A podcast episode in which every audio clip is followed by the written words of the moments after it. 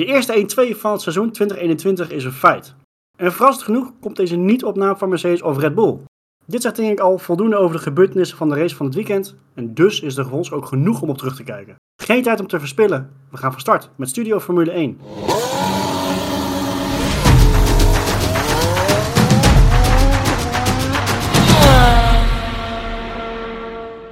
Mannen, welkom. We hebben weer uh, twee races achter de rug dit weekend. Na Silverstone hebben we natuurlijk ook uh, hier weer de... de, de nou, geen, je mag geen sprint race zeggen, sprint qualifying. En op vrijdag heb je dan weer de, de Speed King uh, kwalificatie, weet ik veel. Ik vind het allemaal een beetje vreemd. Deze was wel wat, mm, in mijn ogen wat minder spectaculair dan die van, dan die van, van Silverstone, of niet?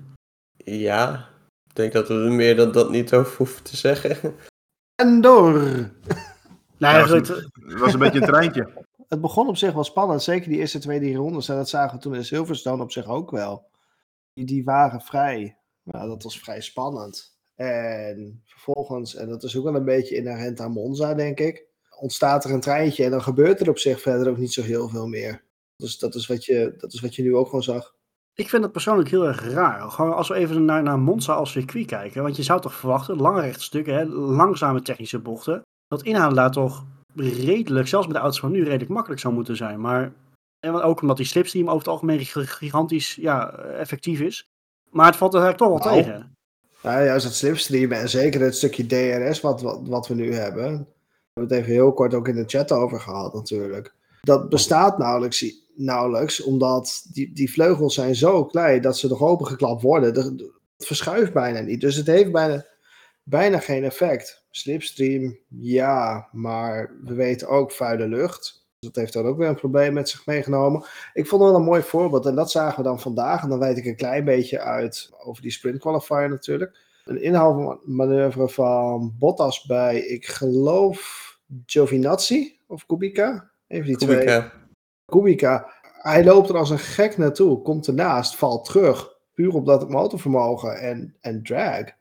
Nou, slipstream, ja, het is heel wat waard, maar wil je er opeens langskomen, dan houdt het opeens ook heel vlot op. Ja, maar dat heeft ook wel een beetje met de Mercedes zelf te maken, denk ik, of niet? Ik bedoel, ja, uh, dat denk ik op zich ook wel, maar het is wel een beetje tekenend, denk ik.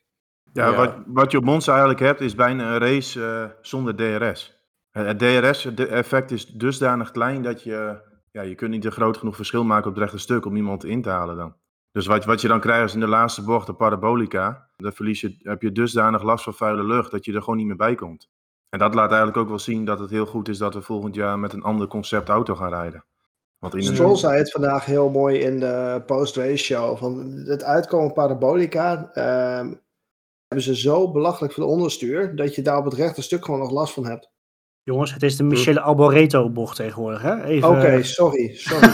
Voor mij blijft het de parabolica. Ja, daar, daar, ben ik mee, mij... daar, ja, daar ben ik mee opgegroeid. Voor mij ook hoor, absoluut. nee, maar, ja, maar als, bijvoorbeeld op Zandvoort, dan zie je dat ze met hele grote achtervleugels rijden. Dan is het DRS-effect misschien wel 20 km per uur. Maar hier is het misschien 5, 5 km per uur. Dus het effect is gewoon veel minder groot. Omdat ze dus met een kleine achtervleugel rijden. Dat zag je ook voornamelijk bij Red Bull. Die hadden een beetje een latte bodem uh, als ja, achtervleugel. Een plankje bij de praxis gehaald. Ja, ja, ja een, st stukje spaanblaad gehaald. Meer was er niet nodig. Ja, ja dus, die, dus die sprintrace had op Monza dus heel weinig effect. Het was de start, die was op zich spannend, omdat Hamilton natuurlijk niet goed wegkwam. Maar vervolgens, ja, dan is het een treintje rijden en er gebeurt niet zo gek veel meer. Ja, maar dan is het op zich wel een rare keuze qua circuit om dit concept te testen.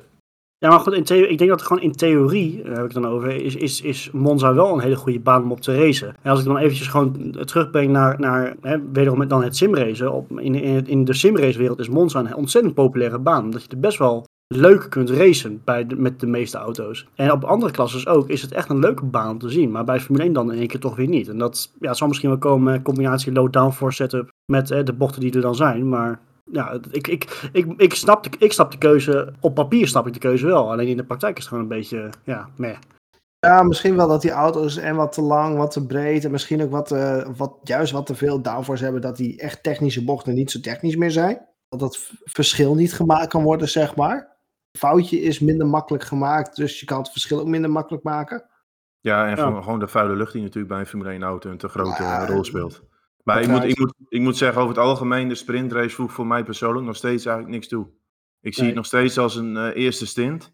En vervolgens krijg je op zondag dan weer een herstart. Ja, voor de luisteraars die ook wel eens NASCAR kijken, daar heb je bijvoorbeeld een, eh, een stage heb je daar. Nou, dan komt er een safety car en dan komt er ook weer een herstart. Ik zie het een beetje als dat concept. En er haalt voor mij ook een deel eh, spanning weg op de zondag.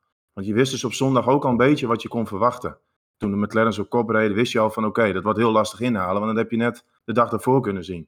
Dan is het op Ja. zondag niet ineens heel anders. Dus ja, ik, Ja, maar- ik, ik ben eigenlijk wel gewoon eh, tevreden met het oude concept. Gewoon een kwalificatie op zaterdag en de race op zondag. Ja, Ja. en, en, en ook vrij, de, de tweede vrije training die voegt eigenlijk niks toe. Of niks, maar voor, voor het publiek voegt hij in ieder geval sowieso niks toe. Dat is een ding wat, wat eigenlijk wel zeker is. Want je hebt geen kwalificatieruns, geen... eh, ehm, ja, mensen hebben allemaal hun eigen programma's. Daar heb je gewoon weinig aan. Dus in dat geval is het voor het publiek misschien ook wat minder spannend. Maar ja, wat wat Thomas net zegt, het, het voegt tot op heden weinig toe. Kijk, en we kunnen wel even in, in een andere aflevering wel even wat verder op in van hè, wat zou de Formule 1 dan in theorie eh, anders kunnen doen. Want ik bedoel, ik ben zelf ook absoluut geen fan van het hele concept wat bijvoorbeeld de Formule 2 en 3 nu hanteren. Met drie races met, met een omgekeerde grid race 1 en dan weer een andere grid voor race 2. En weet je, dat is, ook, dat is in mijn ogen ook geen optie. Dat haalt ook gewoon heel erg de, de, de spirit van Formule 1 weg, lijkt mij. Maar, nou ja. Ja, dat wordt wat een poppenkast. Maar ik Ja, ben gewoon tevreden met het concept wat er is. Dat vind ik altijd prachtig. Dan leef je echt toe naar zo'n zondag. En dan heb je de Grand Prix met de pitstops en alles. Ja, je moet gewoon auto's hebben die elkaar beter kunnen volgen. Nou ja, goed. Daar gaan we volgend jaar eh, naar kijken of dat eh, gaat helpen met de nieuwe auto's. ja.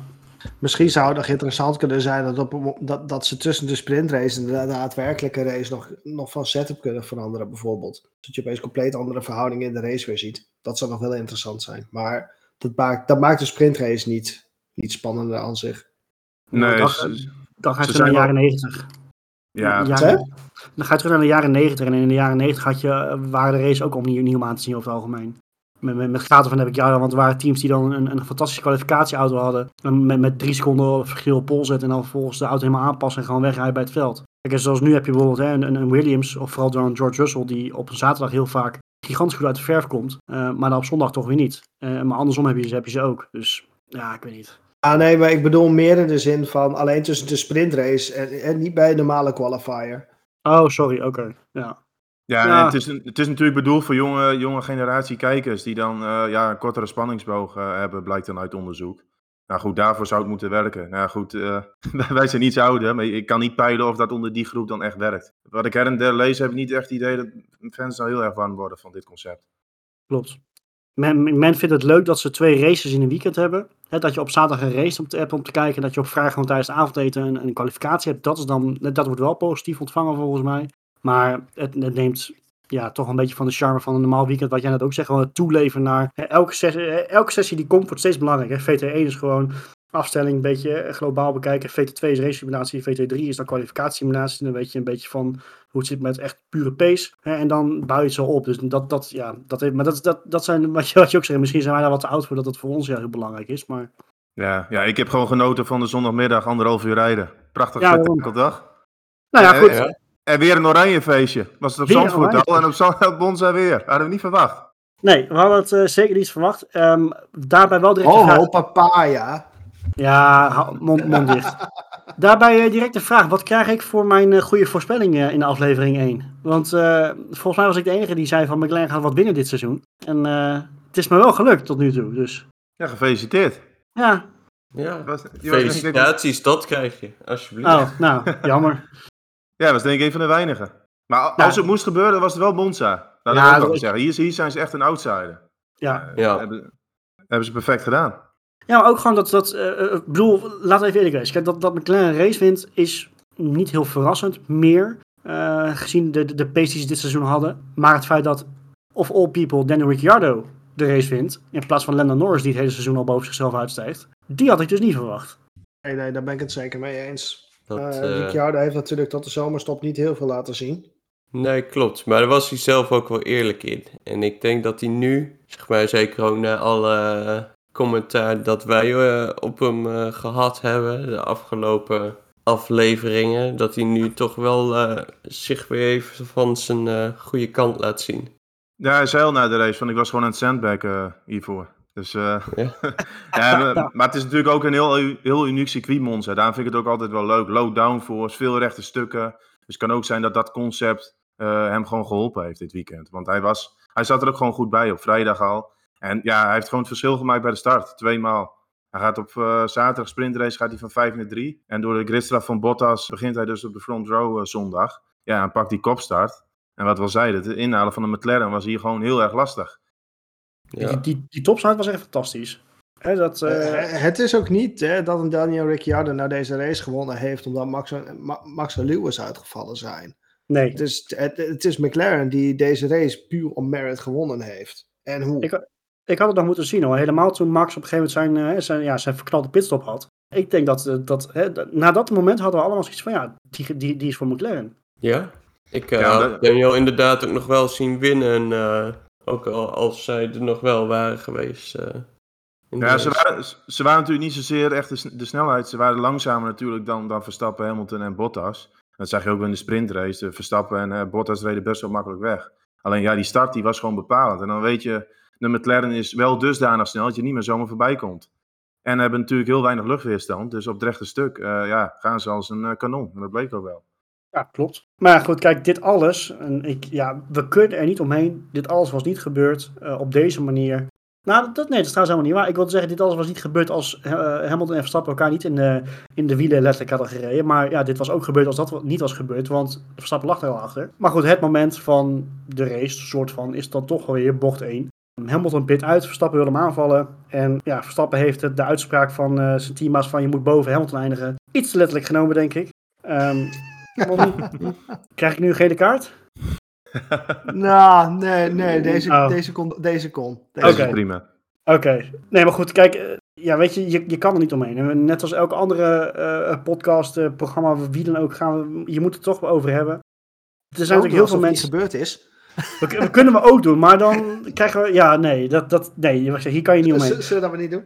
Nee, laat ik wel even één ding, uh, wil ik wel even vooropstellen. Van, je kan ervan vinden wat je wil. Uh, of het nou de schuld is van Hamilton of de schuld van Verstappen of, of, of een race incident, maakt niet uit. Het feit dat dit nu de tweede keer dit seizoen is gebeurd en we met z'n allen wel weten dat het waarschijnlijk ook niet de laatste keer is. Zo'n moment als vandaag is één van die momenten die je misschien wel in het rijtje van uh, Senna Prost op Suzuka, Hamilton Rosberg op, wat is het, Barcelona of, of Schumacher heel op Adelaide kan, kan zetten. Heb jij, heb jij naar Sam Collins geluisterd bij de post-race show? Nee. Nee, ik, ik dat letterlijk aan Toto Wolf en aan Christian Horner na de race, ja. Oh, sorry. Nee, ik, ik zit midden in de verhuizing, dus ik heb geen tijd om allerlei dingen te gaan, te gaan bekijken. Maar eh, dat zijn we toch wel met elkaar eens. Want dit zijn wel van die momenten. Dit, ik denk eigenlijk gewoon het hele seizoen. Want dit, dit moeten we zo koesteren, zo'n seizoen als dit. Dat, dat, dat we zo'n strijd vooraan hebben met zulke twee ja, camphalen. Gewoon de allerbeste coureurs die, die we in het veld hebben. wat je ook van het incident van vandaag vond. Het hoort erbij, maar het is wel echt fantastisch. Zeker. Als neutrale fan moet ik dan misschien zeggen. Dit, dit is een gevecht uh, binnen een seizoen dat je wilt zien. En daar horen dit soort incidenten simpelweg gewoon bij. En dat maakt, dat maakt een race leuker. Dat maakt een seizoen leuker. Nou, ik vind het werkelijk fantastisch. Ik geniet hier echt van. Op het moment dat ik het zag gebeuren. Ja, ik krijg er een grijs van in mijn gezicht. Ik denk van yes, er gebeurt weer wat. Zie ik hem ook, yes, ik had weer gelijk. Maar ja. ja ook, ook, dat, ook dat nog. Maar vooral het feit dat het seizoen is nog niet afgelopen. Er komen nog een handvol races. Dit gaat 100% nog één of twee keer gebeuren. Dat kan niet anders. Blijf je nog steeds elke week voorspellen of dat nu niet meer? Nee, nee, nee, nee, niet elke week. Oh, oh. Ja, maar je kunt er ook de, de klok op gelijk zetten. Het zijn echt twee haantjes. En zodra ze naast elkaar komen, dan geven ze elkaar, vinden ze geen millimeter. Dat, dat gebeurde al in de eerste ronde natuurlijk ook. Dat, dat ging nou. ook op haren en snaren en dat ze elkaar eigenlijk ook geen ruimte gaven. Nou, daar wil ik eigenlijk eventjes naartoe. Want je hoorde Verstappen direct al klagen op de boordraden van... ja, jongens, dat gebeurt als je geen ruimte laat. Maar in mijn ogen, en uh, ik, ik, kijk niet met een oranje bril... in dit geval juist met, misschien met een zilveren of zwarte bril... wat hebben ze tegenwoordig, maakt niet uit. Een beetje voor beide. Ja, maar de actie van Hamilton, de, de verdediging van Hamilton... was in mijn ogen zo goed als identiek... als de verdediging van Verstappen in ronde 1 of 2. In ieder geval dat, dat, was echt een identieke actie. Alleen Hamilton die kiest eieren voor zijn geld, snijdt de bocht af, laat hem gaan. En Max laat hem staan. Dan kan je dit toch verwachten? Of ga ik nu heel ver? De indruk die ik kreeg, ik heb hem een paar keer moeten terugkijken, want ik vond hem echt heel erg lastig. De, de eerste indruk heb ik eigenlijk dat, dat Hamilton Max afknijpt bij het ingaan van turn 2. Maar Max hoort er eigenlijk helemaal niet meer te zitten als hij turn 2 wil halen. Precies. Max ging veel te snel om turn 2 te halen. Die was hoe dan ook de gimbak ingereden waarschijnlijk. Nou, of in ieder geval over de broodjes en, en de stuiter en alles erop en eraan. Nou ja, het feit dat hij die broodjes moet pakken om überhaupt die bocht te halen, dat zegt er een heleboel. En de wijze waarop hij bovenop Hamilton duikt, vrij letterlijk, dat zegt ook wel een heleboel over Ja, maar dat is, dat is ook meer gewoon denk ik een stukje natuurkunde. Als in, hij kwam Ja, op de broodjes, nee, twee wielen haken in elkaar. Weet je, dat, nee, dat, natuurlijk, dat is zeker waar. Als je die herhaling maar eens terugkrijgt. Max haalt die bocht niet. Zo simpel is het. En daarom, hè, het is inmiddels half tien. We nemen deze aflevering nu op. En we, we zijn inmiddels ook te weten gekomen dat Max drie plaatsen kritstraf heeft voor de Grand Prix in Sochi. ja, die blijf ik wel een beetje vreemd vinden. En nou, wat, wat, wat ik dus denk, is dat ze gekeken hebben met lui, hebben alle telemetrie voorhanden. Wat ik denk is dat ze gezien hebben, is dat Max inderdaad een wat te hoge snelheid heeft gehad voor het ingaan van turn 2. Dat hij de bocht nooit heeft kunnen halen. En hem daarom bestraffen, omdat hij anders die bocht had kunnen conceden aan Hamilton. Als hij was op voorhand al, al kansloos. Ja. Ja, Ja, ik, ik denk dat ze daarom ook die straf hebben uitgedeeld. Maar ik, ik zou het wel houden op een race-incident. Kijk, ik vind Hamilton Ja. ook wel een beetje, een beetje knijpen. En ze weten donders goed ook naast wie ze rijden. Want als je dan de eerste, eerste ronde ziet, dan zie je dan Hamilton naast Norris komen. En dan ge- geeft hij hem wel de ruimte. Ik, ik zou hem mooier zien als race-incident, maar het is niet dat ik hier niet mee kan leven. Nee, ja, we- ja, en, en dan hoor je, krijg je opeens zo'n hard gelach van mensen die roepen van ja, die 10 seconden gridstraf of eh 10 seconden tijdstraf van Hamilton en Silverstone is verwaarloosbaar ten opzichte van dit. Maar als Verstappen drie plekken naar achter gezet wordt eh, terwijl hij pole rijdt en hij start op P4 ten opzichte van een Hamilton op P1, dan krijg je nagenoeg een identieke race. Want Max stuift de P2 en P3 met een beetje geluk ook voorbij en rijdt dan ook gewoon op 5. Maar Maar dat- Hamilton. dat is Maar ook hij- het reglement, hè? Natuurlijk. Omdat En- hij en uit de is- race was, krijg je een gridstraf. Dus dat is, dat was bij Hamilton in Silverstone anders ook gebeurd. Alleen die bleef in de Daarom. wedstrijd. Dus dat, dat is sowieso geen discussie over. Maar ja, ik zou hem toch op race-incident houden. Ook, ook ja, wat Roy zegt, we hebben natuurlijk in het verleden ook dit soort eh akkefietjes wel gehad. En dan, ja, het moet niet te veel een jurysport worden. Dus ja, ik had het liever als race-incident zelf gezien, eerlijk gezegd. Ja, Ja. daar ben ik het ook wel mee eens. Ja, nee, snap ik wel. Maar ik denk dat ze dat wel niet konden maken als je teruggaat naar, naar Silverstone. Ik denk, ik, ik denk als je dit als race-incident afhandelt en dan wel dat Mercedes wel, of hè, dat Hamilton 10 seconden in Silverstone krijgt, dan heb je de pop ook weer aan dansen, want dan is het weer niet eerlijk en weer niet gelijke behandeling, et cetera, et cetera. Ik, wil, ik ben het er wel mee eens van, hè, een race-incident is in dit geval, in mijn ogen, denk ik, een, een, zou een fair beslissing zijn geweest. Echter, als je een schuldig moet aanwijzen, dan denk ik dat Max een beetje had kunnen wijken. Maar ja, Ja. dat is mijn mening. Toto Wolf gooide het ook een beetje op een tactische eh, overtreding van Max. En ik denk ook wel stiekem dat het eigenlijk zo, zo een beetje in elkaar stak. Eh, maar hij natuurlijk die slechte pitstop gehad. Hamilton kwam op nieuwe mediumbanden de pit uit. En ik denk dat hij ook wel wist van, ja, dit is mijn concurrent. Ik probeer hem er gewoon voor te gooien. En als we samen afgaan, bij de nul. En dan ben ik alsnog twee punten uitgelopen dit weekend. En eh, hij heeft natuurlijk die drie plekken gridstraf. Maar we weten ook allemaal van, er moet toch nog een keer een nieuwe motor gestoken worden bij Red Bull. Dus zo'n drama is dat ook niet. Dan kun je Sochi gewoon achteraan starten. En dan heb, jij, heb je ook gelijk je nieuwe motor in je pool. Wat dat er gaat is, komt het wel tactisch uit voor eh, Max. Het komt dus in, in geen geval uit. Het Nee, maar enige nu heeft voordeel hij dat... toch een vrijkaartje, of, nou ja, vrijkaartje tussen aanhalingstekens, dat hij die motorwissel en dergelijke kan doen. Ja, dat inderdaad. Het, het, hetgeen waar, waar Max zeker van was, is dat hij op een gegeven moment die gridstraf moet pakken dit, dit seizoen. Want ze gaan het toch niet redden met deze motor. Ja, dit geeft, Mhm. dit, geeft ze, dit geeft ze dat moment. En het scheelt. Het schijnt dat Lewis ook onderweg gaat naar een, een gridstraf dit seizoen nog. Dus of dat linksom of rechtsom misschien ook wel volgende race zal zijn. Het zal me niks verbazen, eerlijk gezegd. Ja, dat- daar doen ze een beetje schimmig over eigenlijk bij Mercedes. Aan de ene kant zeggen ze, ja, de, de twee motoren die Hamilton in gebruik heeft, die zijn er goed. Aan de andere kant zeggen ze van, we denken niet dat we daarmee het einde van het seizoen gaan halen. Ik weet niet, ik heb het idee dat ze een beetje zand in de ogen aan het strooien zijn. Ik helemaal, omdat eh, als je dit nu zo zegt, van aangezien Red Bull neemt hem sowieso, ik ga er toch aan dat, dat, dat Hamilton dan toch hetzelfde gaat doen. Want die, eh, zoals in, in een volgende race eh, in Rusland, want de kans is groot dat ze hem in Rusland pakken, dan zal in theorie, even aflopen, Hamilton natuurlijk wel flink uitlopen. Ja goed, die, die, die, die buffer kunnen ze dan eventueel nog inlossen bij een volgende wedstrijd lijkt mij, maar gaan misschien wel heel ver. Ja, dat is, afwachten. Of, ze dat Mercedes dat überhaupt gaat doen en of ze dat dan in Sochi gaan doen, bedoel jij? Nee, nee, nee, niet per se in Sochi, maar ik bedoel meer van Mercedes weet dat zij nu eh, in één race een voorsprong kunnen hebben qua uitlopen, omdat Max Verstappen een, een penalty pakt, dan, eh, dan hebben zij, ja, ik weet zo goed hoe ik het moet omschrijven. Ze weten, eh, eh, Max loopt er nu één race achter met een, met, of één race achter, die hebben één race, gaat hij minder punten scoren dan, dan dat verlies kan Mercedes dan ook wel één race leiden, lijkt mij. En dat is meer, dat is denk ik meer waard dan het risico lopen op een plof en een DNF krijgen. Want de kans dat jij als een Mercedes of een Red Bull coureur van, vanaf P20 uh, nog Ja. in de punten kan rijden is groter. Hè, want dan kan je meer punten scoren dan wanneer je dus een even DNF scoort. Bottas vandaag. Nou, nou ja, dat was wel een Ja. beetje geluk toen met de safety car. Hè? Ik bedoel, dat daar gelaten. Maar ja, die kans is best wel groot dat je gewoon nog punten pakt als jij achteraan start. Ja, ik, ik denk een Verstappen of een Hamilton die een grid eh, penalty oploopt, waar achteraan moet starten, die kunnen op circuits waar je goed kunt inhalen, makkelijk derde worden. Ja, goed, daarom sta ik dus niet dat ze meer Rusland doen. Maar goed, of tenminste, als ze meer Rusland zouden doen. Maar goed, dat, dat nou ja. Ja, Gaan we zien. ja, dat we je, weet ook niet of die motor die ze nu gebruikt hebben ook een optaten gekregen heeft, hè? Met die, met, met die klapper. Ja, dat, dat valt wel mee, ik denk dat ik. dat wel meevalt. Waar ik zei, ik denk dat het meer een stukje natuurkunde is dat het zo heftig leek dan... eh, Ja, zou goed kunnen hoor, ik weet, ik weet het niet. Maar, eigenlijk, eigenlijk hadden ze Verstappen nog zo'n medaille moeten geven, na die, na die eh, crash, voor die landing. Want bij Turnen daar vinden ze dat geweldig.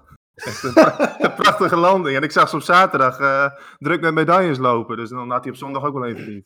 Maar Thomas, dat- jij, bent- jij, jij, bent, jij bent af. N- Nou ben jij af. Ja, jezus. Goed, Nee, eh, dit, ik, dit ik- moment, dit moment gaan we ook nooit weer vergeten natuurlijk. Ik weet nog dat ik zat te kijken en die ziet in één keer gewoon een Red Bull op een Mercedes. Echt dat je denkt van wat is dit in godsnaam. Dat vind ik dan ook al voor de neutrale kijker. Dit, ja, dat is geweldig. Dit is, eh, dit is strijd wat je wil zien. Dit gaat echt tot, tot het laatst gaat dit door. En we gaan nog veel meer incidenten krijgen, 100%. Iedere Ach, keer als ze, ze laten elkaar niet leven. Dus er gaat iedere keer als ze naast elkaar komen, gaat het fout. ja, misschien Vaak wel. gaat het nog fout. Ja, Oeh, ja, het gevaarlijk. gaat sowieso nog een keer fout. Eh, Ik denk nog twee keer. Ik, ik denk echt nog dat het nog twee keer een, een DNF voor allebei wordt. Of in ieder geval voor één van de twee, laat ik het zo zeggen. Ah, we gaan zeker nog één race krijgen waarbij ze er allebei aftetsen. Het zal Dat me niks denk ik wel. verbazen als het er in totaal drie zijn. Waarbij ze elkaar opzoeken. Nou, misschien. Nou, je krijgt wel een enorme rel. Dat eh, de koploper van het kampioenschap in de laatste race er gewoon tegenaan laat lopen. Maar goed, dan gaan we heel veel... eh, terug naar 1994. Oh, Ja. wat een drama. Het zou me niet verbazen. Het zit er echt in hoor, dit jaar. Nee, Ja. zeker. Zulke gekke toestanden. Ja, wie weet. Nou, dat, dat hoop ik nou ook weer niet hoor. Want zoals als je eh, 1994, dat sloeg hem natuurlijk helemaal nergens op. Dat, dat, dat een titel op zo'n manier beslist wordt. Maar, nou. Nee, zeker. Maar, Hey, ik, ik, Liever niet. ik, ik wil doorgaan top en flop. Nou, de flop heb ik al klaar, want dat is Thomas met zijn opmerking. Ehm, maar ik, dank je. Ja, sorry. Ja, maar ik, ik denk dat we, dat we eh, wel een unanieme top hebben, toch? En we, we openen er al mee met een eh, ora- oranje feestje. D- Ik denk dat er geen enkele neutrale Formule 1-fan is die het McLaren heeft misgund. Of Ricciardo heeft misgund. Misschien kan ik misschien nog beter zeggen. Want McLaren was gewoon top. Vanaf, vanaf, nee. Vrijdag eh, waren ze gewoon goed. ja. ja, die hebben gewoon een uitstekend werk geleverd. En ja, volledig gebruik gemaakt van de situatie. Ja, Voor het nou, eerst sinds 2012 een overwinning van McLaren. Maar het is natuurlijk ook een, een team met enorme historie. Dus alle Formule 1 liefhebbers, ja, die vinden dat gewoon prachtig. En helemaal de twee rijders die ze nu hebben, die, zijn toch, eh, Mm. die liggen wel goed in de media. Ja, gewoon het hele verhaal eromheen, dat is natuurlijk prachtig. Hoe mooi is het nou om in een seizoen dat gedomineerd wordt door Red Bull en, en Mercedes, juist dan die 1-2 te pakken? Fantastisch toch? Nou, laten we heel eerlijk zijn. Dit, is- dit is waar McLaren de afgelopen 5, 6 jaar, sinds dat, misschien ook wel heel gek, sinds dat ze papaya beurtjes dragen, toch wel de wederopstanding is, hè? Dit. En hij heeft Ja. natuurlijk diepe dalen gekend. Echt, echt diepe dalen gekend. Een beetje vergelijkbaar met Ferrari vorig jaar. Ja, lastig. Kijk, eh, McLaren heeft natuurlijk gewoon, gewoon moeilijke jaren gehad met Honda toen. Of Williams eigenlijk, kan je misschien nog wel beter mee vergelijken. Ja, alleen is Williams er nog niet en eh, McLaren al wel weer. Ja, wat ze gewoon heel goed gedaan hebben, is gewoon een nieuw management aangesteld. Op een gegeven moment toch wat geld uit de Emiraten. Ja, zonder, kijk, zonder geld het kun je. Ja, ze hebben het financieel goed op de rit gekregen. Goed management, eh, coureurs die gewoon presteren. En de zet naar Mercedes motor, ik denk dat dat toch al de doorslag eh, heeft gegeven. Dat zie je ook vandaag Ja. denk ik wel weer. Want met de Renault motor was dit niet Nee, gelukt. absoluut. En dat wel durf ik ook wel te zeggen. Ja, absoluut. Al was Alpine niet eens heel beroerd trouwens, met twee auto's in de top 10, maar toch. Nee, zeker niet, zeker. Maar ik ben het wel met, met, eh, met Thomas eens hoor, dat, eh, dat was niet gered. Maar ik, ik had iemand die geef ik eigenlijk hetzelfde rapportcijfer als McLaren. Dat is mijn top. Tel. Nee, dat is Valtteri Bottas eigenlijk. Nou, groot Eens. gelijk heb je. Op, Ja. vrijdag, op vrijdag pakt hij die pole position. Op zaterdag perfecte start, wint de sprintrace. Ja, hij heeft gewoon de pech dat hij dan die grid penalty heeft. Want Mercedes had natuurlijk het pakket dit weekend om te winnen. Ja, en ook in de race is hij best wel goed teruggekomen. En vond ik hem beter inhalen dan dat ik hem in het verleden wel eens heb zien doen. Nou, vooral dat Ja. ja. want Bottas staat erom bekend dat hij niet bepaald een hele goede racer is. En eh, dat de Mercedes ook niet goed is in verkeer. Eh, al is dat misschien een beetje een ongegronde conclusie, maar hè, dat is wel wat, wat men zegt in de paddock ook. Bottas was echt, waar, waar zit hij inmiddels op? 9.0? Ik weet, ik weet niet welke versie we nu hebben. maar Ja, maar oneindig benul. eh Hij vindt een update gaat dit weekend. Ja, dus, ja laatste patch, patch wat, is het, bugfixes en hij kan weer door. Maar, eh, Wie heeft de patch notes gevonden? nee, maar goed, eh, daar zijn ook met z'n vier allemaal mee eens, denk ik, toch? Ja, absoluut. Ja, ik had hem ook al wel zeg maar als top staan. Uiteraard. Ja, ik vind dit Ja. in zijn hele Mercedes-tijdperk. Misschien dan praat ik echt over zijn hele tijd bij Mercedes. Misschien wel zijn beste weekend. Hij was ook gewoon agressief voor zijn doen. Hè, echt, echt aanvallend. Gewoon. Ja, Alsof hij, los, alsof hij losgeketend is. Of, ontketend is, moet ik Ja, zeggen. maar zonder grap, dat, dat zie je wel vaker. Hè? Als mensen dan verlost zijn van hun contract, van, hun, hun, van dat druk op hun schouders, dat ze in één keer heel En anders de gaan druk is rijden. eraf. Ja, Eh, Hetzelfde, en dan ga ik misschien wel, ik ga misschien een beetje van het pad weer af hoor, maar hetzelfde werd ook wel gesuggereerd op internet van eh Giovinazzi. Want Gio was dit weekend ook echt heel erg goed. Het was echt zo zonde van eh ronde 1 dat hij in de rond werd getikt door, door Leclerc. Maar die was ook gewoon verschrikkelijk goed dit weekend. Weet je, een beetje misschien Vorig weekend ook al. Nou, Ja. dat is inderdaad, Zandvoort trouwens ook wel inderdaad, ja, klopt. Dus weet je, daar heb je misschien wel hetzelfde iets. Maar ja, goed, dat, eh, dat weet je. Maar eh, dat is echt een mooi mag, ik nog even, mag ik nog even noemen dat ik ook daarin gelijk had ten opzichte van vorige week? Wat nou Ja, weer? Ik Ja, heb het gezegd, dit is een, dit is een weekend waarin Bottas kan presteren. En en ja, Giovinazzi ook goed. Dus om die nog eventjes op, te- op te strijken. Ah, Giovinazzi. dankjewel. Dus eh, Ja, ja, ma- mag ik nu ook een medaille? Ni- niks mis met die glazen bol voor jou. nee. Nee, zeker niet. Nee, maar daarom, kijk, Bottas geef ik dan eigenlijk gewoon hetzelfde rapportcijfer. Hij heeft gewoon die, die grid penalty kwam hem heel beroerd uit. Anders denk ik dat hij op zondag eh, een hele grote kans had om te winnen. ja. Ja, zeker. gepresteerd dit weekend, absoluut. En ik wil misschien ook wel even doorgaan op mijn flop, want dat zit binnen hetzelfde team.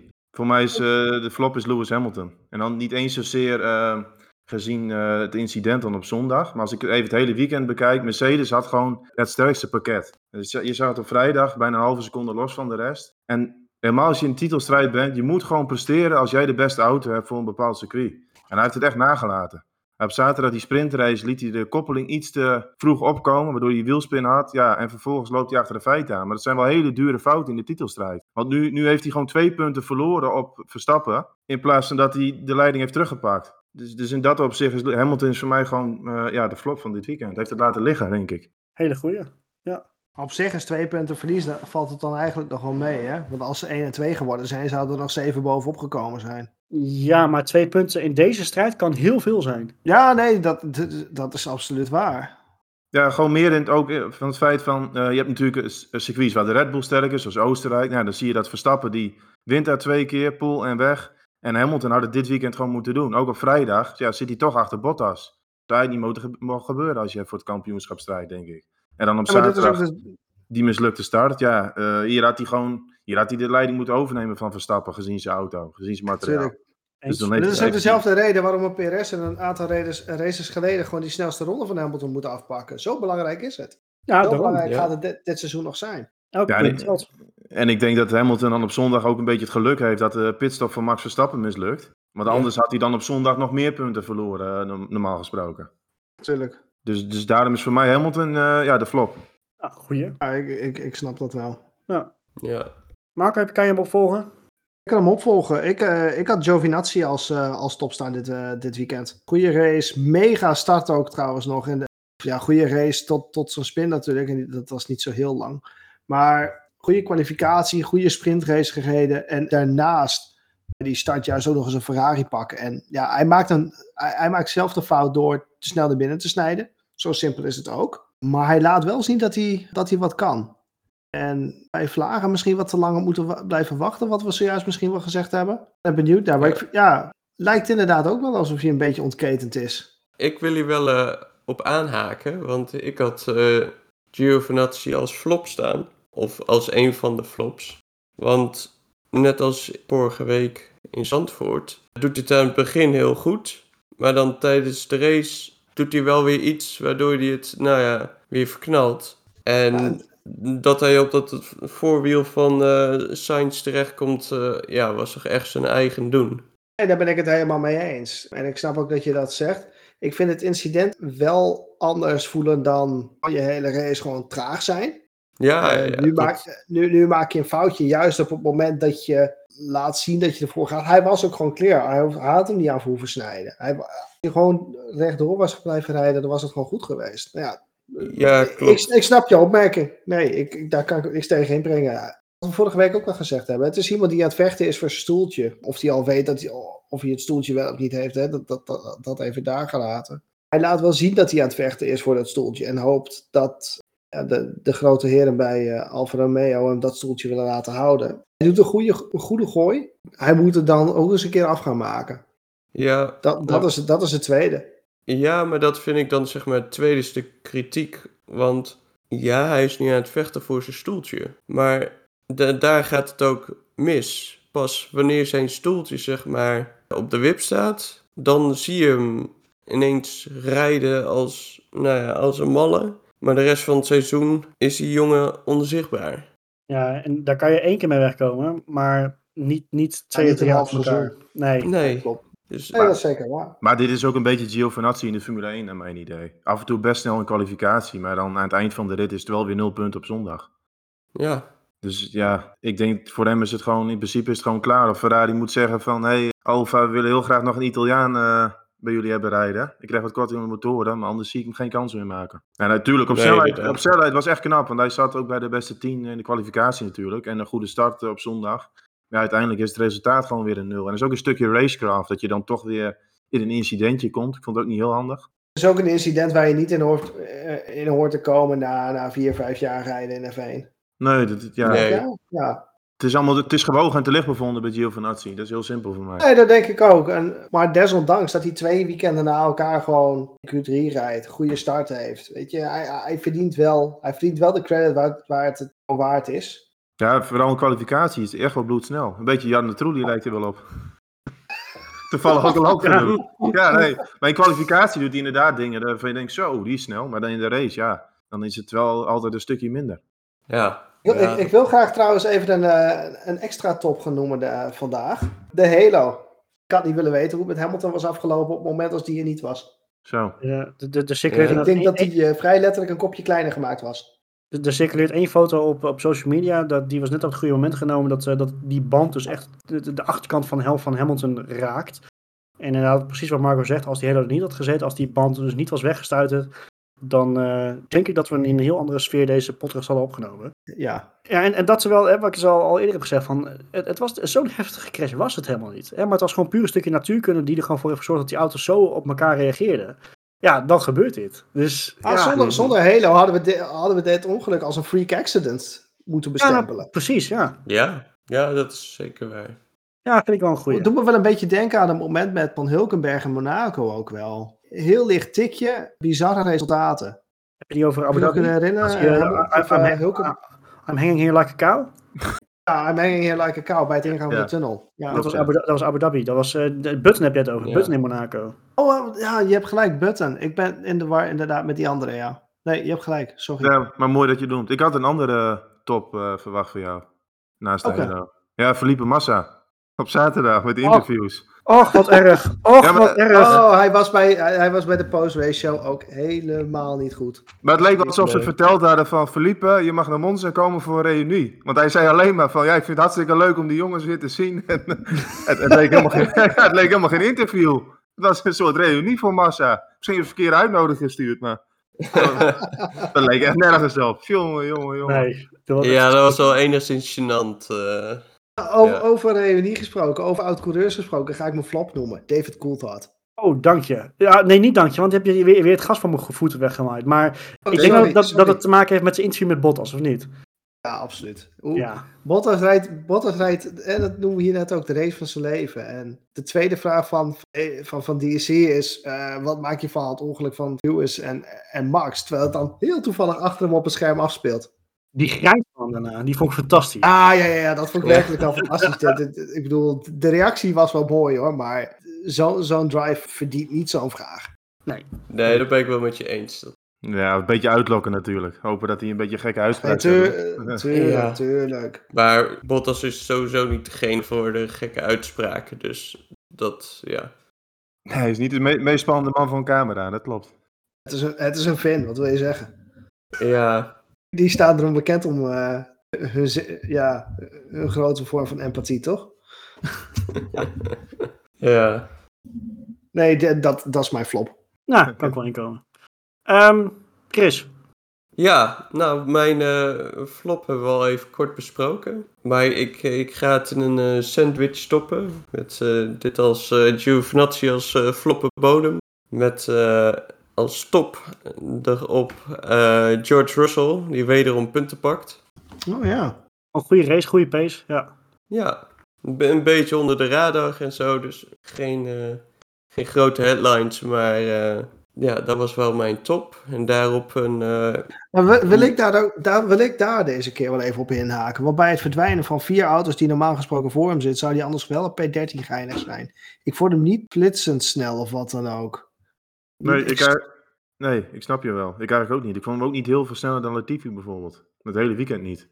Er Nee, heel, weinig, zat heel weinig tussen die twee. Wel punten voor Russell hoor, dat blijft altijd, dat blijft altijd mooi en altijd goed. Maar Ja, zeker. Maar wat je zegt, ik heb meer het idee dat het gewoon profiteren is van uitvallers dan dat hij echt nou zo goed gereden heeft. eh, er zijn- er vier rijders uitgevallen die normaal gesproken voor hem hoort te liggen. Ah, Ah, drie. Tsunoda. Ja. Ja, maar Ma- Max Lewis ten alle tijden. En Gasly in principe ook. Met Tsunoda daar kan je, daar kan je zeker over discussiëren. ja, Maar goed, hij heeft natuurlijk normaal gesproken ook niet materiaal om op eigen kracht punten te halen. Dus hij ook nog. Nee, En dat is dan moet, je wel, dan moet je er wel zitten. Kijk, dat is voor teams als Williams en Alfa is het gewoon zo, als de rest uitvalt, moet jij zorgen dat er staat. En dat heeft Williams wel weer gedaan, want hij wordt negende. En Giovinazzi, die we eerder bespraken, ja, die heeft weer nul scoren. Dus ja, maar hij zat ook maar 2,5 seconden achter Alonso, die op P8 stond. Dus Ja, goed, laat, laat safety car. Hè?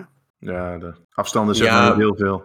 nee, maar het is toch wel weer een degelijke prestatie. Ja, het blijven punten voor, voor George Russell. Die eh, volgend jaar de, deze punten mooi in zijn zak mee kan nemen naar, naar Mercedes. Ik wou Ja, zeggen, ja, we, we, we, slaan natuurlijk helemaal het, het, het nieuws van de week slaan we natuurlijk gewoon over. maar ja, we, we, daar hebben we ook niet echt heel veel tijd voor om in zo'n race na vandaag. Maar Maar daar gaan we volgende week op terugkomen. gaan we, gaan we zeker op terugkomen als we gaan, gaan vooruit gaan blikken op, eh, op eh, de geweldige Grand Prix van, eh, van Rusland. Maar goed, ik, eh, ja, ik, ik, ik kan me er ook wel in vinden trouwens. Ik, eh, ik, ik, had, eh, vier, ik, ik heb vier op mijn lijstje voor top staan en drie daarvan Oh, zijn oh, oh, oh, dus ik was nog ineens klaar, man. Oh. Oh, so- oh, sorry. Oh. Oh, oh. Hij, hij wil zijn slappe, hij, hij wil nog een ander slapbroodje bovenop zijn burgertje leggen. oh ja, is ook zo. Ja.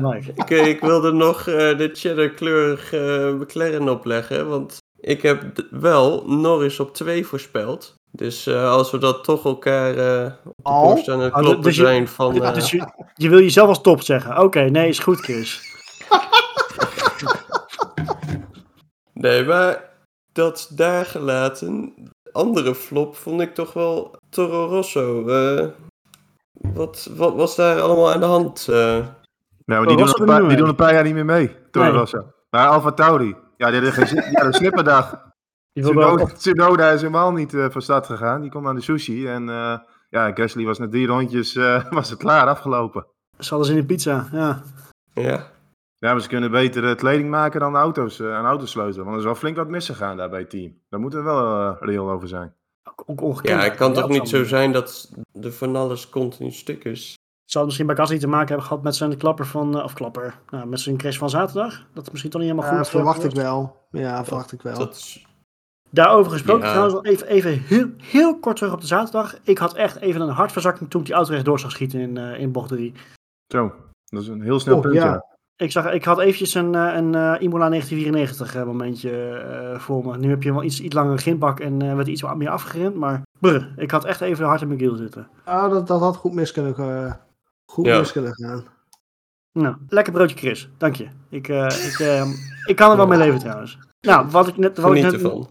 Ja, dank je, dank je. Wat ik dus net ook al zei, ik had vier tops opgeschreven, maar eh, drie daarvan zijn al behandeld. Ik ga dan toch in het land van de tifosi die niet opkwamen dagen vandaag, eh eh, alhoewel, nou, een aantal waren wel wat kaarten verkocht, maar veel minder dan voorgaande jaren. Ga ik toch voor Ferrari. Ik vind gewoon, eh, echt, echt super top was nou ook weer niet, maar gewoon, eh, gewoon degelijk, eh, vierde en zesde. Geen gekke dingen. Ja, wat mij betreft voor, voor wat ze kunnen met het materiaal wat ze hebben, best, best degelijk.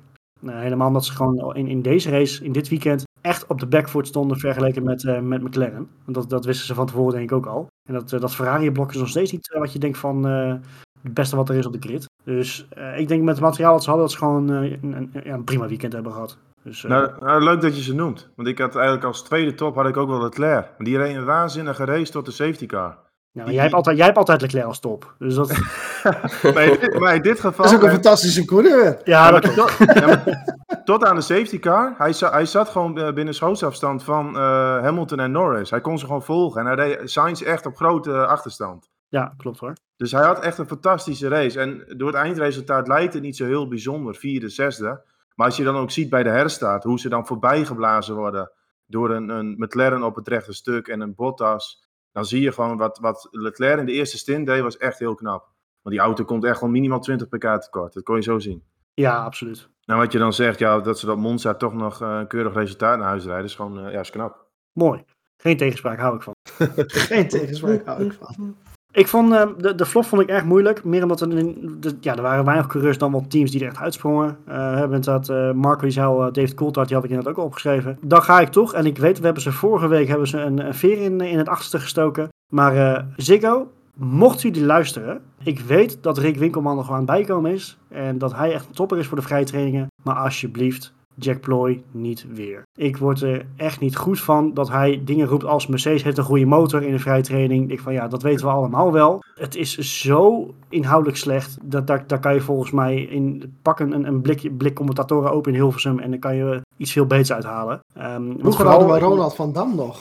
nou, ja, kijk, weet je, Rand van Dam heeft heel veel eh, stront over zich heen gekregen, maar die is zoveel beter dan Jack Ploy in dit geval. En helemaal, ik- ik ga er misschien wel wat te diep op in, maar helemaal als je het hebt over vrije trainingen. vrije trainingen worden niet gevolgd door, ehm, en ik bedoel het niet heel, heel lullig, maar vrije trainingen worden niet gevolgd door Max Verstappen fans. Die alleen maar kijken voor hoe Max het doet. Eh, trainingen worden gevolgd door mensen die echt in de diepgang gaan kijken naar rondetijden, naar, naar, naar race pace, naar afstellingen dan moet je niet iemand als Jack Ploy daar hebben zitten. Dan moet je echt iemand hebben die er gewoon eh, echt verstand van zaken heeft, die veel dieper op de materie in kan gaan. En dit voegt op deze manier echt niks toe. Dus de- ja, ik, ik heb me echt kapot aan zitten ergeren. Ja, maar ik zeg, ik zit midden in een verhuizing, dus ik heb het op de achtergrond heb ik het dan aanstaan. Dus ik moet het hebben, ik, ik moet het hebben van het geluid in plaats van van het beeld. En dan hoor je dit. En ik denk van, nou, dat, eh, nee. Ik, Nou, ik was er geen fan van. Nu je toch in die verhuizing zit, zou ik even een tegeltje bestellen. Want uit, uit, uit een paar uitspraken waren echt fantastisch. Maar- maar- maar- maar nee, de, de mooiste daarvan vond ik nog van hoe verder je vooraan staat, hoe beter het is. Ja, Ja. prachtig, briljant. Ja, Geweldig. waar had hij vandaan? Jack Ploy. Waar had hij die wijsheid vandaan? Echt. Ja, nee, grandioos. Straks gaat hij nog komen met, eh met Ham- Hamilton is een van de beste coureurs die er is. Ja, meen je. Nee, dus eh, eh, ik, ja, verder, wat ik zeg, er was weinig wat echt verder opviel. Dus ik, ik vo- vond deze wel, wel passend. Ik vond het heel lullig naar wat we vorige week allemaal hebben gezegd over ze. Want vorige week Zandvoort, de, de verslaggeving was echt super. Hè, dat, ja, weet je, daar, daar, is verkeerd over. Maar nee, op de vrije training alsjeblieft iemand anders. Dan, Ja, dit, dit is gewoon geen commentator. Dat is wel duidelijk. nee, nee. Maar ik had verwacht dat jullie misschien nog wel iets zouden zeggen over het team van Red Bull. En misschien PRS. Ik denk dat zij het hier ook wel een beetje hebben laten liggen. Ja, Als je- van, van, Perez zijn het inmiddels wel gewend. Hoe lullig dat ook klinkt. Ja, goed, maar ja, dit, dit was dan ook... Het valt niet meer op. Ja, ook met Nee. inhaalacties. Dat, dat, dat hij na het afsnijden gewoon door blijft rijden in de sprintrace en in de Ja. hoofdrace. Ja, en ook weer... Nou, eh, nu- nu je het zegt, dat was, dat was echt wel een kwalijk moment. Ik had, ik had van iemand als Perez met zijn ervaring had ik ook beter verwacht trouwens. Misschien klinkt misschien raar, maar ja, maar die is gewoon... Die, die is vernietigd. Die is gewoon het vertrouwen kwijt. Ja, ze gaven nog complimenten naar de zaterdag. Of naar de vrijdag was dat. Ja, had een goede slipstream gegeven Max Verstappen. Snap ik ook wel. Een beetje de moed erin te houden bij die man. Maar als je daar al voor gebruikt wordt, dat je even een slipstreampje mag geven in kwalificatie. Want het was natuurlijk ook zo dat hij er al bijna... Was het de tweede kwalificatie? Ja, dan was hij op hakken, met hakken over de sloot. Zo, kwam er lekker uit. Was hij door naar de derde, derde sessie. Was ook wel weer dat hij echt aan het harken was. En ja, op zondag denk ik ook wel de pitstop van Verstappen. Dat is natuurlijk ook wel eh, een dure fout van het team. En hij was ook niet helemaal tevreden over de strategie. Dus ik denk ook op Red Bull heeft op zondag het ook al een beetje eh, verspeeld, denk ik. ja. Ja, dat ben ik wel met je eens, ja. Ze Ja, hebben ze een aantal keer de credits gegeven voor die snelle pitstop. Maar dit ging echt gewoon helemaal fout. En daardoor kwam Verstappen ook natuurlijk in die situatie met Hamilton terecht. Ja, en goed, Verstappen het hele jaar geweldig gestart. Maar ja, die op zondag was ook even net niet. Dat was ook niet echt Nou, een dag voor hij, Red hij, Bull. hij was niet, hij was ook niet slecht. Ik bedoel, het was geen slechte spoepstart of zo. Nee, klopt, zeker. Maar goed, Het was meer dat, dat Ricciardo echt een knalstart Ik had. wil zeggen, die was echt goed weg hoor. Ja, dat, dat, is, ook- dat is ook alweer zo. Alleen ja, Van Poel, eh, ja, als je hem dan kan verzilveren, dan weet je eigenlijk van, dan wordt het helemaal eh, een gouden weekend misschien. Maar goed, Ja. ik denk vooraf hadden ze wel getekend voor twee punten eh, uitlopen in de titelstrijd. Zo moet je het ook zien. Nou, laten, laten we Red Bull dan een subflop noemen. Laten we iets nieuws eh Su- Een introduceren. subflopper. Ja, ja ze, ik denk zondag hebben ze niet echt geprofiteerd van, eh, van, ja, van waar Hamilton dan ook reed. Op Ja. achterstand dus. En natuurlijk die gridstart van Bottas, dus daar had ook wel meer in gezeten. Ja, nee, klopt. Alright. Nou, dan heeft hij toch minder lang geduurd dan ik, had- dan ik van tevoren had verwacht. Ik had verwacht dat we echt wel, eh, i- oh, niet, niet uitgepraat raakten, maar over, over het incident waren we nou, redelijk, eh, redelijk unaniem gelukkig. Dus dat, of misschien juist niet gelukkig. Ja, weet niet hoe je moet bekijken. Nou, wat we hadden gezegd van vorige, volgende week gaan we vooruitblikken op een van de mooiste races van het seizoen, de Grand Prix van Rusland. Zeg ik met heel veel sarcasme. Maar Bottas had er wel naar Oh, oh, Die is altijd goed. Hey, Frankrijk was ook een fantastische race dit seizoen. Dus Maar Het kan, Marco, het kan. Marco, hou op met grasmaaien. Want ik wil net gaan zeggen, van Frankrijk was ook een geweldige race. Dus je weet het maar nooit dit seizoen. Maar goed, dat, eh, dat gaan we even apart behandelen. Dus daar, gaan- daar gaan we niet op, op vooruit kijken. Ja, hebben we verder nog dingen gemist? Want volgens mij was er verder eigenlijk weinig wat echt opvalt eh, qua teams. Ja, we hebben wederom Aston Martin trouwens niet genoemd voor de zoveelste aflevering. Maar eh, Kleurloos ja, Maar bedoel je? met- Ah, ja, nou, kleurloos. Ik vond. Ik had ook op mijn lijstje staan voor flops. ja, maar Ja. Stroll 7 was best wel goed eigenlijk. Ik, ik had juist stiekem Thomas verwacht dat hij zou komen met eh Coulthard. Dus eh, ik had Vettel er voor de zekerheid ook maar bijgezet. Maar Ve- Vettel was ook verschrikkelijk kleurloos. Eh was er een Hmm. beetje aan het schouderduwen met Ocon op een gegeven moment. Maar Kon die weinig aan doen, vind ik nog steeds. Maar nou, kon Ja. hij, nee, hij kon daar heel weinig aan doen. Dat was ook dat, echt een fout van Ocon. Maar het, het is wel... Dus de race ook niet goed gedaan. Het was ook wel tekenend voor de race van Vettel. Dus ja. Ja, misschien ook wel een beetje. Het is natuurlijk nog steeds niet helemaal zeker of hij daar doorgaat. Dus dat, dat, is, dat is misschien nog wel iets, iets waar we het even over kunnen hebben. Want er zijn wat uitspraken geweest de afgelopen dagen in de media. Waaruit inderdaad ja, gezegd, getwijfeld, gedaan wordt dat, dat alsof Vettel volgend jaar niet door zou gaan. Ja, het idee wat ik een beetje heb is, kijk, Vettel die staat natuurlijk voor een behoorlijk bedrag op de loonlijst bij Aston Martin.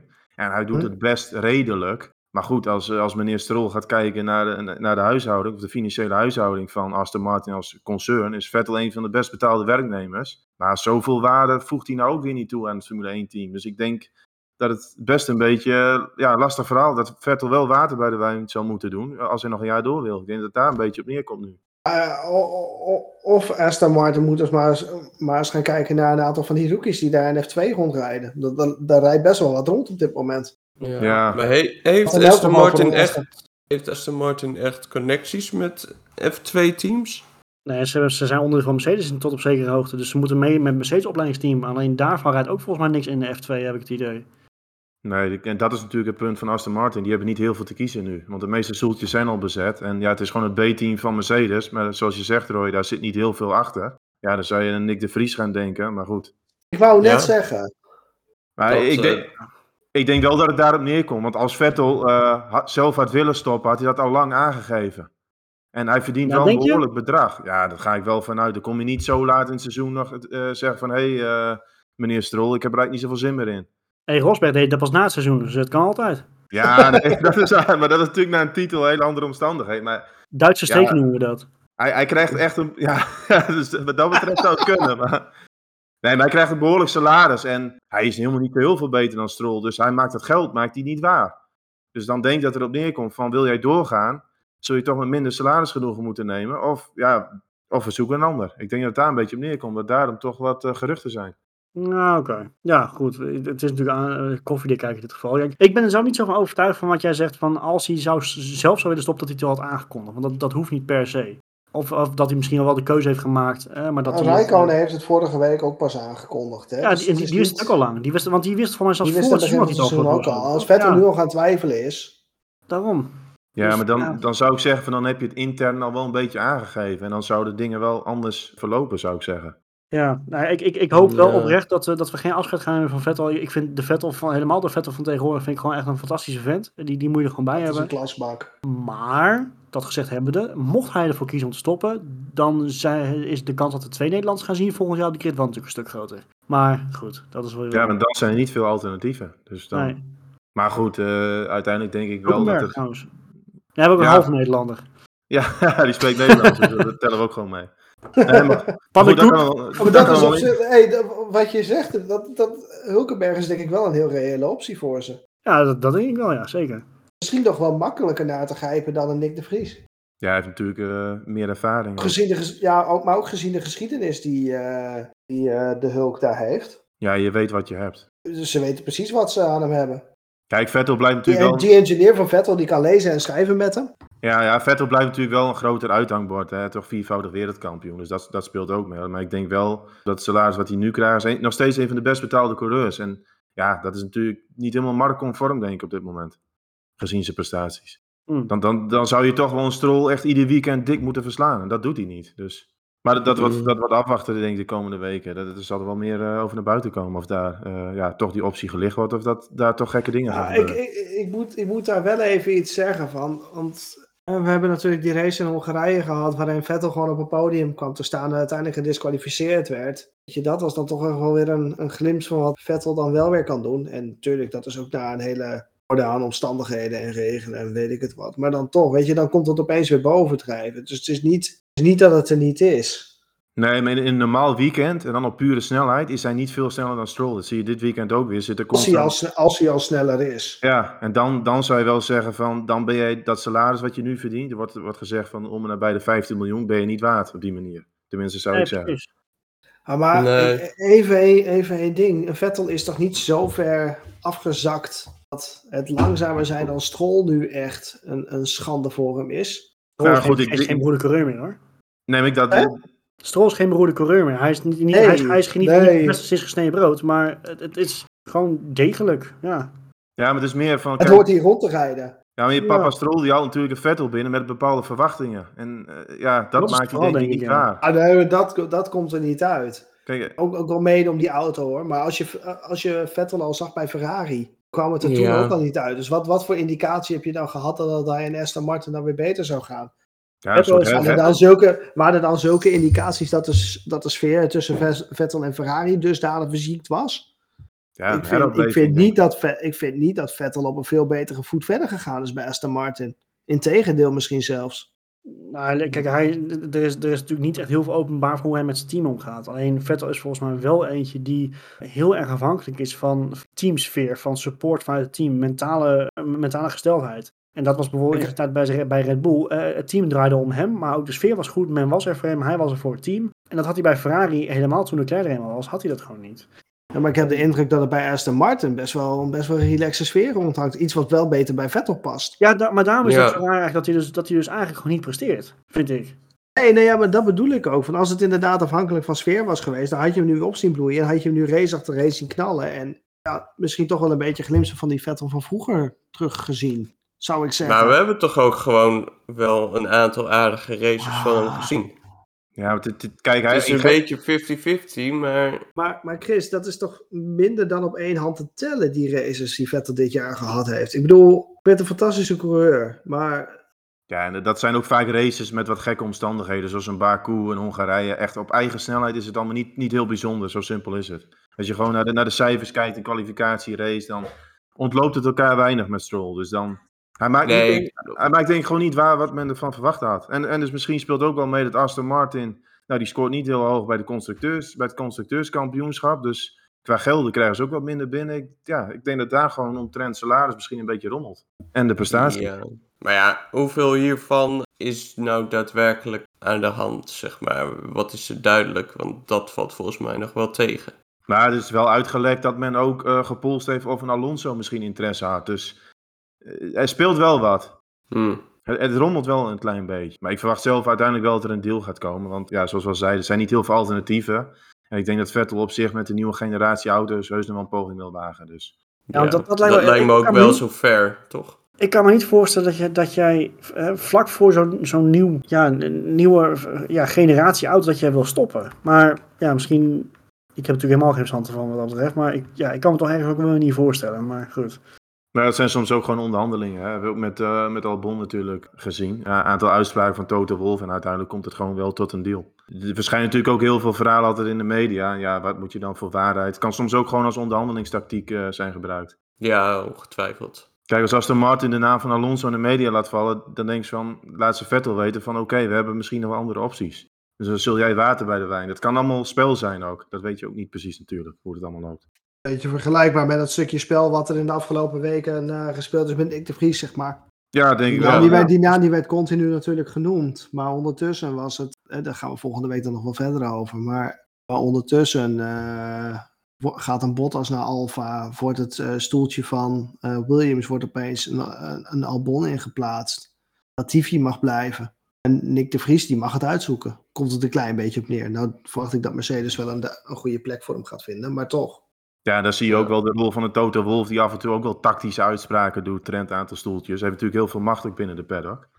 Maar goed, daar komen we volgende week ook nog over te spreken, over de hele rijdersmarkt. Maar ja, je ziet ook wel dat een aantal personen altijd wel spelletjes proberen te spelen. En die hebben natuurlijk be- behoorlijk veel macht eh, ja, binnen de paddock. Zeker weten. Vind ik een mooi te parkeren voor volgende week. Maar het, blijft, het is wel iets wat men wel bezig blijft houden voor de komende weken. Eh, Er is natuurlijk een, een hele grote bal is gaan rollen eh, toen Bottas een overstap naar Alfa heeft kennis gemaakt. Maar het, eh, nou, ik, ik ik denk wel iets op de korte termijn eh, dat wat, wat besloten zal gaan, eh, zal gaan worden. Maar goed, zo is Aston Martin dus van een team wat niet genoemd wordt. Een team wat ongeveer de meeste minuten in de aflevering heeft gekregen. Dus hè, kunnen we ook weer afstrepen. Nee, verder, eh, verder hebben we volgens mij niks, niks nog heel bijzonders, toch? Of heb ik echt wel wat, eh, weer wat gemist? Hoe vonden we het weekend van Kubica? Nou, daar wil ik heel kort wat over zeggen. Ik vind het wel knap wat hij doet.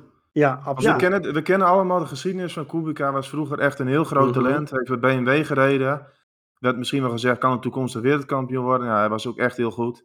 En ik moet zeggen, zijn prestaties, ook in Zandvoort, hebben we een beetje over het hoofd gezien. Hij rijdt toch met die handicap en ik vind dat hij het best wel redelijk doet ook.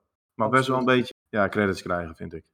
Ja, nou ja, dat is Ja, eigenlijk wat ik ook wel wil, wilde roepen. Ik, ik vond hem ook dit weekend, vond ik hem voor, voor waar hij rijdt dan vrij, on- vrij onzichtbaar. Maar omdat hij er dan weer rijdt en, en wat, jij, wat jij zegt met, met die handicap die hij dan heeft, vind ik dat eigenlijk best wel goed hoor.